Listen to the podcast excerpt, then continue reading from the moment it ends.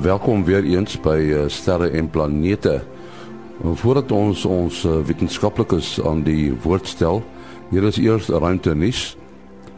Anders as wat Einstein bepaal het dat die spoed van lig altyd dieselfde was en onder alle omstandighede dieselfde bly, beweer twee wetenskaplikes nou dat dit noodwendig die geval is nie en het hulle boonop 'n model ontwikkel om dit te toets. Volgens hulle kon ligspoed kort na die oerknal baie vinniger gewees het as nou om te kon byhou met die uitdaging van die heelal. Professor João Maceo is van die Blackett Laboratory Imperial College Londen en Dr. Nayesh Afshorli van die Perimeter Institute for Theoretical Physics.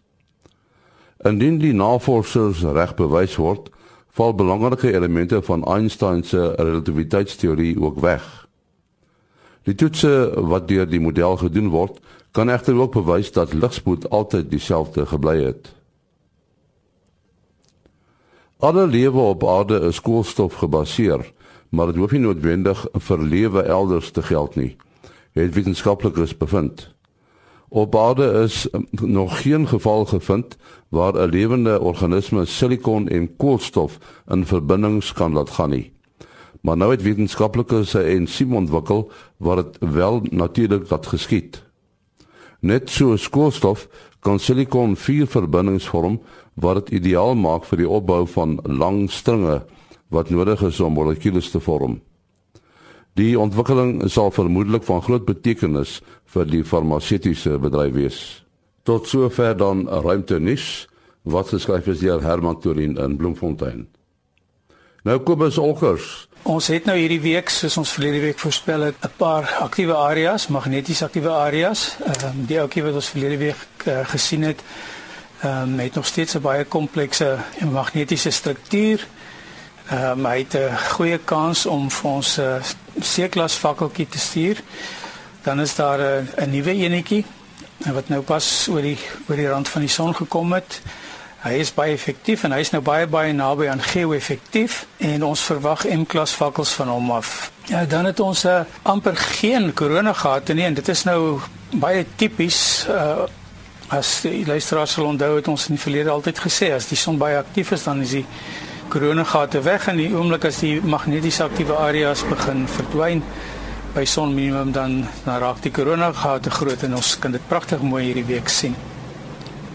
Die waarheid te sê, ons het 'n baie interessante korona gehad wat lyk soos 'n reuse S wat so oor die oor die son gaan, maar hy's baie nou. Uh alhoewel hy ehm um, in noordwaarts gerig is, kan hy dalk kan hy dalk vir ons 'n bietjie ekstra agtergrondgeraas gee veral vir ons uh langafstand kortgolf luisteraars. Dan wat filamente aanbetref, uh sit ons met 'n met 'n mooi groot een so in die noordelike halfrond van die son. Hy lyk egter vir my nie te onstabiel nie en ek dink hy gaan net mooi daar sit en mooi lyk vir die res van die van die week en geen effek hê op ons eh, ruimte weer hier op die grond nie. Dankie Kobus Olkers. Nou vanaand by die sterre en planete mikrofoon het ons vir uh, Willie Koorts van die SAAO en dan Dr. Japie van Sail, hy is die direkteur sonnestelsel eksplorasie by JPL en dit is die Jet Propulsion Laboratory daar in Kalifornië. Uh Japie, jy sê jy het 'n bietjie reën gehad. Ja nee, ons het dan uiteindelik hier so so 'n paar dae, twee dae na mekaar 'n klein bietjie reën gekry. So uh die mense het nie eintlik mooi geweet wat wat om te doen toe die water weer uit die uit die lug uitval hier staan. Maar jy as 'n ou suidwester sal ons nou weet wat dit beteken om water uit die lug te hoor.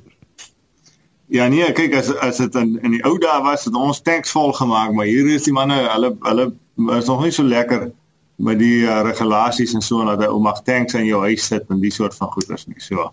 Hulle laat jou dit nie toe nie. Nee, nee, hulle laat dit nie toe nie op die oomblik nie. Jy mag net 'n tank 'n uh, 'n uh, 'n tank so groot soos wat ons die ou 44 gelling dromme altyd gesê het. So groot tank was die grootste wat jy kan aan jou huis sit. En dit help nog nie veel nie. Met ander woorde, hulle is bang jy steel die water. Lyk my hulle is bang jy kopie by hulle water. Dis die hele ding. Maak dit vir Goed, ek wil 'n bietjie praat oor eh, oor Mars, die die rooi planeet wat eh, deesdae ook baie ter sprake is.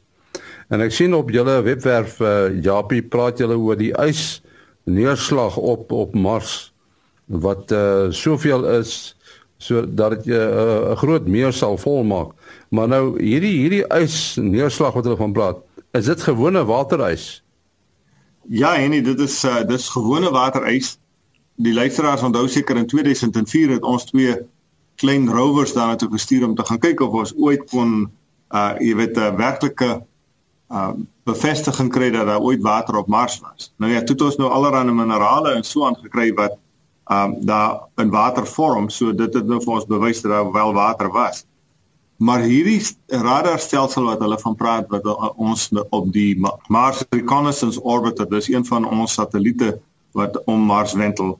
Uh en hierdie spesifieke radar wat bietjie in die grond in kan kyk. Hy hy kan in die grond in so paar honderd meter diep in die grond in kyk.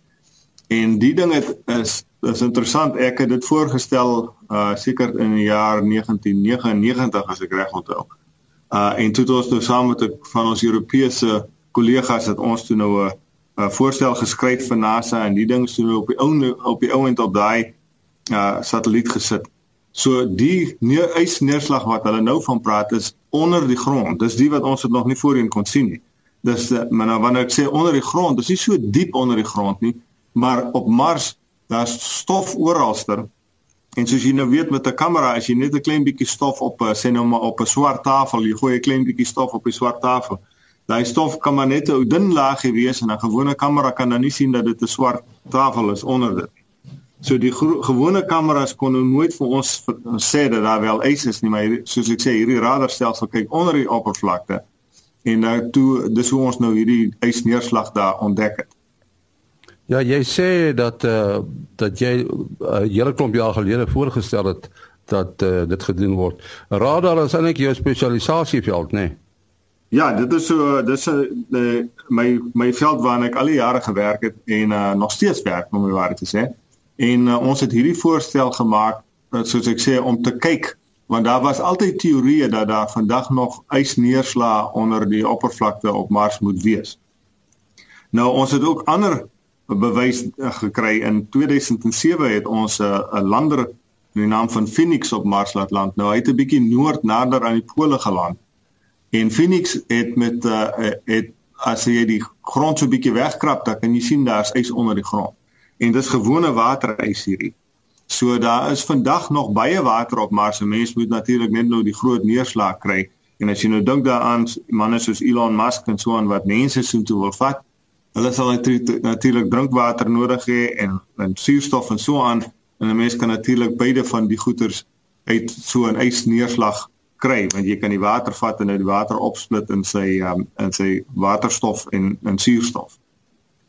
Nou die feit dat uh, dat ons ys daar het, is seker maar 'n funksie daarvan dat Mars uh, is heel wat verder van die son af as die aarde, né? Ja, kyk, in die meeste van die uh, daar's twee redes waaroor ons nie staande water op die oppervlakte van Mars het, vloeibare water nie. Die eerste is dat natuurlik dat dit te koud is. Uh, daar's net sommige plekke wat gedurende die uh somer op Mars warm genoeg raak dat hierdie ys 'n bietjie kan smelt en so ons sien hierdie nat strepe teen die kant van uh van uh kraters en so aan. So die is die sogenaamde RSLs vir wat hulle in in Engels noem die recurring slope lineae. Uh dit is maak sulke nat strepe.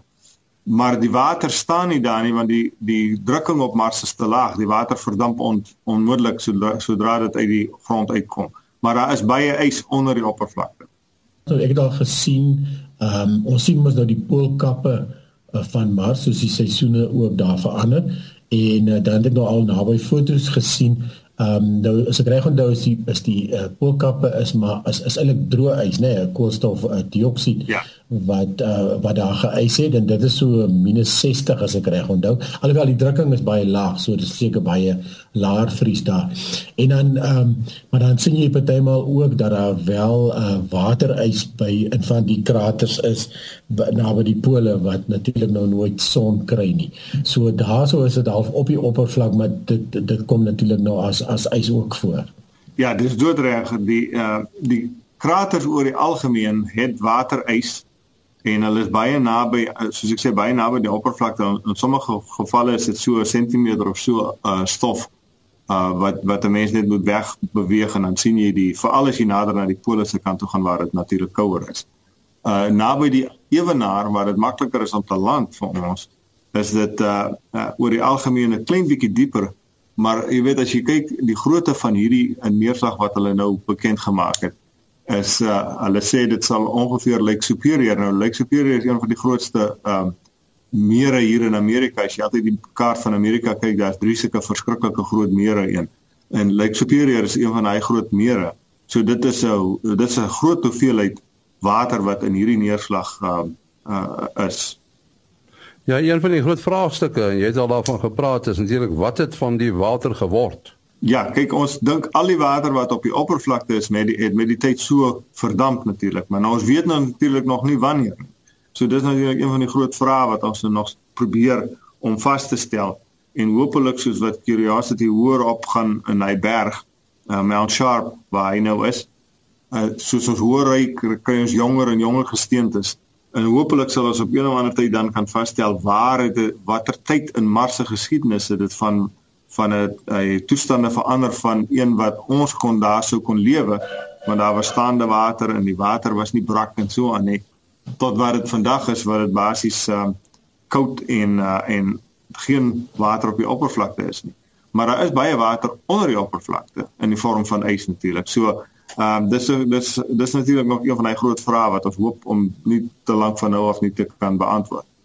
Sou sou dit kon wees dat uh, Mars uh, baie lank gelede uh ook in die sogenaamde goue lokkie sone kon gewees het? Ja, kyk as 'n mens kyk hoe ons enige ster soos wat sy ehm um, leeftyd aangaan, aanvang aanvanklik brand die ster natuurlik baie helder en soos wat hy met die tyd sy sy brandstof sal ek maar sê opgebruik, dan word die ster stadig maar seker groter. Uh en op die oomblik uh, dan sal hy weer in mekaar val. Nou uh ons goue lokkie sone van van ons son strek min of meer van die baan van Venus af tot net buitekant die baan van Mars. Daar was 'n tyd wat Mars wel in ons um, sogenaamde goue lokkie sone was uh, en definitief sou staande water gehad het. Daar's natuurlik teorieë dat Venus ook op 'n stadium 'n oseaan gehad het. Uh maar dit is natuurlik moeilik om te glo vandag met die met die feit dat die oppervlakte van Venus 600 grade Celsius te uh, ongeveer. So uh, maar daar is definitief teorieë dat op 'n stadium selfs Venus 'n oseaan gehad het. Nou kom ons kom ons uh, draai 'n bietjie ons uh, uh, teleskoop uh, om dit nou so uit te druk na na die ringplaneet Saturnus wat ook eintlik elke dag op julle uh, dagboeke verskyn met met uh, Cassini wat allerlei dinge doen. Uh, wat vir my interessant is is is hierdie ringe van Saturnus want dit dit speel nou 'n belangrike rol in dit wat julle doen met Cassini, né? Nee? Ja, kyk op die oomblik is ons nou in die sogenaamde laaste fase van die Cassini sending se se leeftyd. Uh, hy het natuurlik ons ons beste uh, verwagtinge oorskry met 'n groot hoeveelheid en ons vlieg nou op die oomblik uh basies net buitekant die die laaste ring gaan ons op en dan duik ons tussen um Saturnus en die binnekantste ring in aan die ander kant. So ons sien nou baie baie naby daai ringe van Saturnus. En op die 15de um September 2017 so ongeveer 3 uur in die môre ons tyd laat ek sien so wat is dit uh, 3 uur is middag uh, 12 uur in die middag in tyd in Suid-Afrika dan sal ons die Cassini tuig in Saturnus in vasvlieg om hom dan te vernietig. Maar so op die oomblik kyk ons nou baie baie naby aan die aan hierdie ringe. Die teorie is natuurlik dat hierdie ringe op een of ander op een van twee maniere uh, bestaan. Een is die uh, dat daar maane om uh, Saturnus was en dat op een of ander manier hierdie maane in mekaar vasgevlieg het of, of iets anders wat naby Saturnus verbygekom het, het in hierdie maane vasgevlieg en hulle bas, basies uitmekaar het laat ontplof en dan die klein deeltjies gevorm het. Of die ander teorie is dat ehm um, die uh, ringe is die oorblyfsels van die sal ek maar sê die voorraad waaruit Cassini oor, oorspronklik gevorm het en dat stadig maar seker vorm hierdie maane uit daai oorblyfsels en en uh, wanneer hulle dit doen dan uh, word die ringe kleiner Uh die laaste teorie is die een wat wat meeste mense deesdae glo en dit lyk vir ons in in sommige van die Cassini data asof ons wel so 'n um, 'n uh, geval sien waar daar 'n maan besig is om te vorm wat 'n effense dikker klont sal ek maar sê in een van hierdie ringe is wat stadig maar seker die goed om hom besig is om op te op te vreet so te, so te sê. Uh julle moet natuurlik nou uitwerk uh hoe ver is die ringe van mekaar af? Uh, watter een is die grootste ring? Is dit die C-ring of watter een is dit? Ja, die C-ring is is basies die grootste een en nou die die uh, ringe lyk so pragtig in die fotos, maar vir ons uh ons satelliet is dit natuurlik 'n uh, 'n baie groot um, sal ek maar sê gevaar want die die deeltjies in die ringe, meeste van hulle is natuurlik baie klein, maar daar is deeltjies wat so groot soos 'n uh, huis of selfs groter is. So uh, as ons in een van hulle per ongeluk vasvlieg met ons uh, satelliet, is dit natuurlik alles oor vir ons. Nou sou julle weet uh, of so iets op pad is of uh, hoop julle maar. Nee, ongelukkig sal ons dit nou nie weet nie. Uh, jy hoop nou maar dat dat ons nou nie in so 'n ding sal vasvlieg nie, maar as mens nou die waarskynlikheid uitwerk, dan is dit natuurlik 'n baie klein kans dat so iets met ons sal gebeur vir alles ons so klein net so klein bietjie buitekant die ringe bly soos wat ons op die oomblik doen. Die die dikte van die ringstelsel mens sien nogal uh, uiteenlopende getalle uh, wanneer jy na boeke kyk en so aan ehm um, party sê 'n paar honderd meter dik of minder as 100 meter anders sê omtrent 'n kilometer dik. Wat is julle julle metings daar op daai stadium? Ehm um, soos ek sê die die probleem is as 'n mens die dikte van die ringe probeer meet is is natuurlik uh en daar's twee dinge wat bydra tot hoe dik die ringe is. Die een is hoe groot die die deeltjies is. As hulle almal presies in dieselfde vlak beweeg, dan is die, dikte van die ring so groot soos die grootste uh deeltjies wat daarin is. En dit is uh in die ongeveer in die in die die groottes wat ons gesien het, is dit so in die ongeveer 10 tot 50 meter um 'n soort van grootte. Uh maar die feit is dat hierdie ringe is nie presies almal in dieselfde vlak nie. So die die uh metings hang af van waar mense in die ring meet en dis nie oral ter ewe dik nie.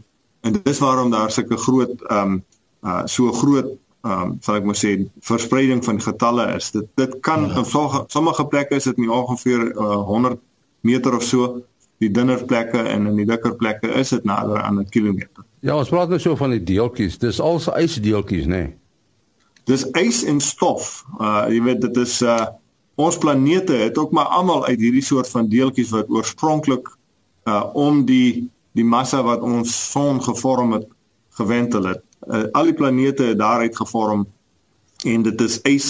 Daar's baie ys, waterys om die waarheid te sê in hierdie in hierdie deeltjies maar daar is ook uh jy weet uh sal ek maar sê klein stukkies rots en stof en so aan. Ons praat uh, van van die maane wat besig is om gevorm te word. Maar natuurlik is daar ander maane, nê? Nee? Ons dink aan Enceladus en 'n hele klompie ander.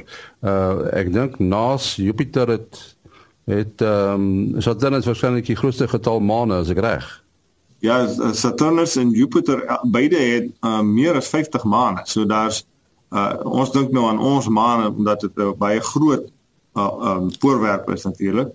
Maar baie van hierdie maane is is baie klein en en daar's 'n groot verskil, baie interessante groot verskil tussen die tipe van maane uh, wat om hierdie planete wentel. So dit is 'n dis 'n groot bonanza vir die mense wat uh, hierdie planeetvorming bestudeer om nou al hierdie inligting te kry en dan uh, met mekaar te stry oor hoe die maane gevorm het en waar die die deeltjies wat hulle gevorm het vanaf moes gekom het en so aan. Nou ja, ons het uh, ongelukkig nie kans om verder te praat nie. Ehm um, Japie, jou besonderhede? My e-posadres is japijpl@gmail.com. japijpl@gmail.com. Dis hy, wat is joune? Selfoonnommer 0724579208. 0724579208.